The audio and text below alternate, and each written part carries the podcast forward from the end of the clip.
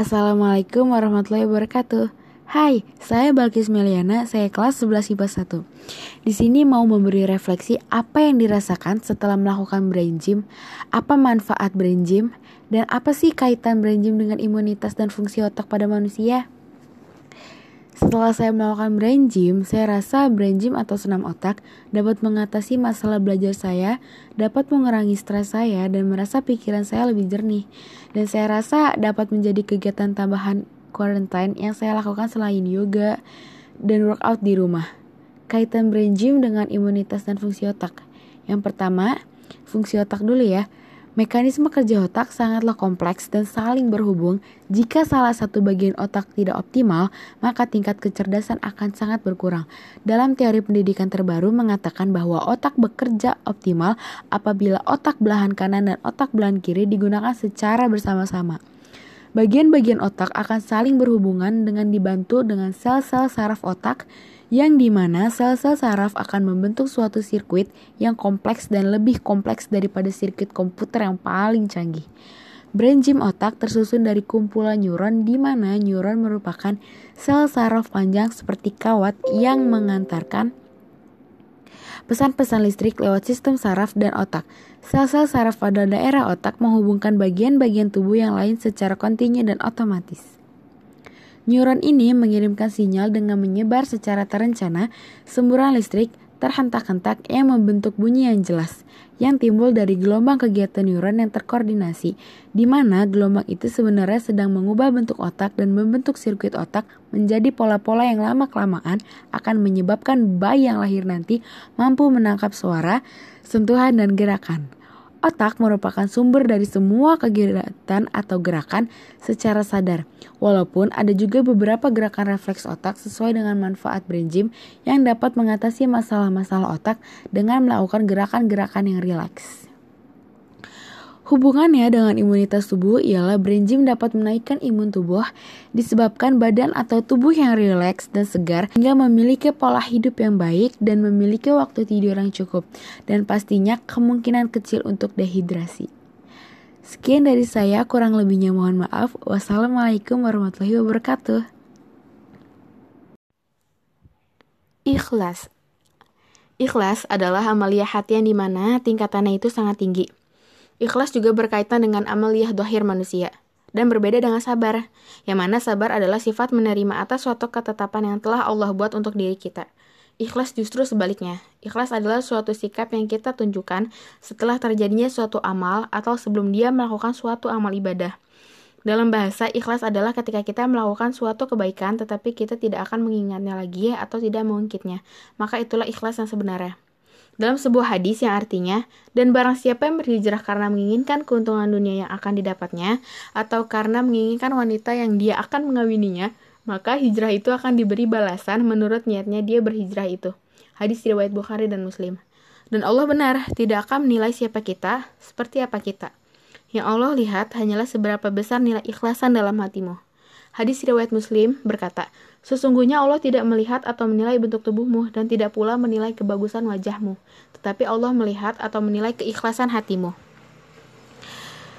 Ada beberapa keutamaan ikhlas di antaranya. Yang pertama, ikhlas kepada Allah mendorong kebaikan. Ketika tujuan kita hanyalah kepada Allah, maka kita akan terus berbuat baik dan terus berbuat baik.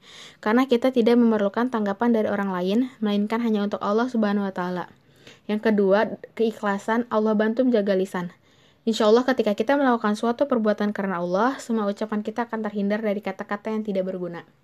Yang ketiga, ikhlas Allah bantu kuatkan agama kita. Allah akan membantu semua hambanya yang selalu menegakkan Islam, dan kita akan terhindar dari fitnah dan pengaruh keyakinan lainnya.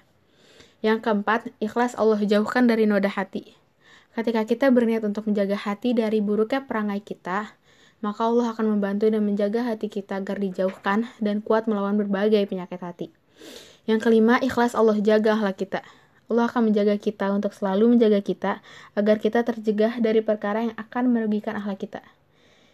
Yang keenam, ikhlas kita terjaga dari hawa nafsu dan dosa. Dan pasti Allah tidak akan ridho bila kita terjebak akan nafsu setan dan buruknya perbuatan dosa. Allah Subhanahu wa taala berfirman, Tiap-tiap yang berjiwa akan merasakan mati, dan sesungguhnya pada hari kiamat sajalah disempurnakan pahalamu. Barang siapa dijauhkan dari neraka dan dimasukkan ke dalam surga, maka sungguh ia telah beruntung.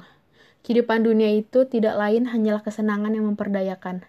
Quran Surat Ali Imran ayat 185 Dan dalil dari Amirul Mukminin Abu Hafs, yaitu Umar bin Al-Khattab bin Nufail bin Abdul Uzza bin Riyah bin Abdullah bin Kurf bin Razah bin Adi bin Ka'ab bin Luay bin Ghalib Al-Qurashi Al-Adawi radhiyallahu anhu berkata, saya mendengar Rasulullah Shallallahu Alaihi Wasallam bersabda bahwasanya semua amal perbuatan itu disertai dengan niat-niatnya dan bahwasanya bagi setiap orang itu apa yang telah menjadi niatnya.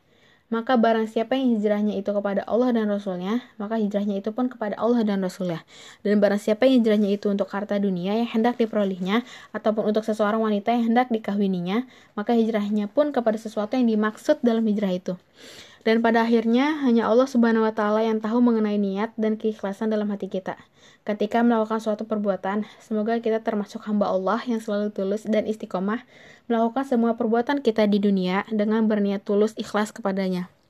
Bayangkan betapa sedihnya kita ketika segala amal kebaikan yang kita lakukan di dunia ternyata nilainya nol di hadapan Allah. Betapa ruginya manusia ketika surga telah dipertontonkan di depan mata, lalu kuncinya tertinggal karena amal kebaikannya ternyata karena alasan duniawi. Ibnul Qayyim berpesan, amal tanpa ikhlas dan tanpa mencontoh Rasulullah bagaikan musafir yang memenuhi kantongnya dengan pasir. Dibawanya dalam keadaan berat, namun tak memberi manfaat apa pun. Karena itu pula, manusia selalu digoda syaitan untuk berlaku ria. Boleh dikatakan musuh utama ikhlas adalah ria. Hal ini terjadi jika seseorang melakukan seluruh amalnya ria agar dilihat manusia. Itulah ria yang dilakukan oleh orang-orang munafik. Allah berfirman dalam surat An-Nisa 142, Sesungguhnya orang-orang munafik itu menipu Allah dan Allah akan membalas tipuan mereka. Dan apabila mereka berdiri untuk sholat, mereka berdiri dengan malas. Mereka bermaksud ria dengan sholat di hadapan manusia dan tidaklah mereka menyebut Allah kecuali sedikit sekali. Rasulullah mengajarkan sebuah doa untuk melindungi dari syirik besar maupun syirik kecil itu. Rasulullah berkata, Wahai sekalian manusia, Jauhilah dosa syirik, karena syirik itu lebih samar daripada rayapan seekor semut. Seorang sahabat bertanya, Ya Rasulullah, bagaimana kami dapat menjauhi dosa syirik, sementara ia lebih samar daripada rayapan seekor semut? Rasulullah menjawab, Ucapkanlah Allahumma ini a'udzu bika an usyrika bika wa ana a'lam wa astaghfiruka lima la a'lam. Ya Allah, aku berlindung kepadamu dari perbuatan syirik yang aku sadari dan aku memohon ampun kepadamu atas dosa-dosa yang tidak aku ketahui. Ada tiga golongan yang tidak ikhlas. Yang pertama berjihad karena ingin dipuji kuat. Yang kedua orang yang berilmu hanya ingin dipuji pintar. Yang ketiga orang yang punya harta yang hanya ingin dipuji dermawan. Sekarang mari kita renungkan sekali lagi tentang amalan kita. Sudahkah terbebas dari maksud duniawi? Jangan sampai ibadah yang kita lakukan siang dan malam menjadi sia-sia. Contoh, jika kunci kantor tertinggal di mobil, seorang dapat kembali mengambilnya. Namun jika kunci amalan kebaikan seseorang tertinggal di dunia, sementara dia telah kembali ke negeri akhirat, tak ada yang dapat mengambilkannya. Sungguh berlaku ikhlas memang berat, sebab urusan niat ada dalam hati.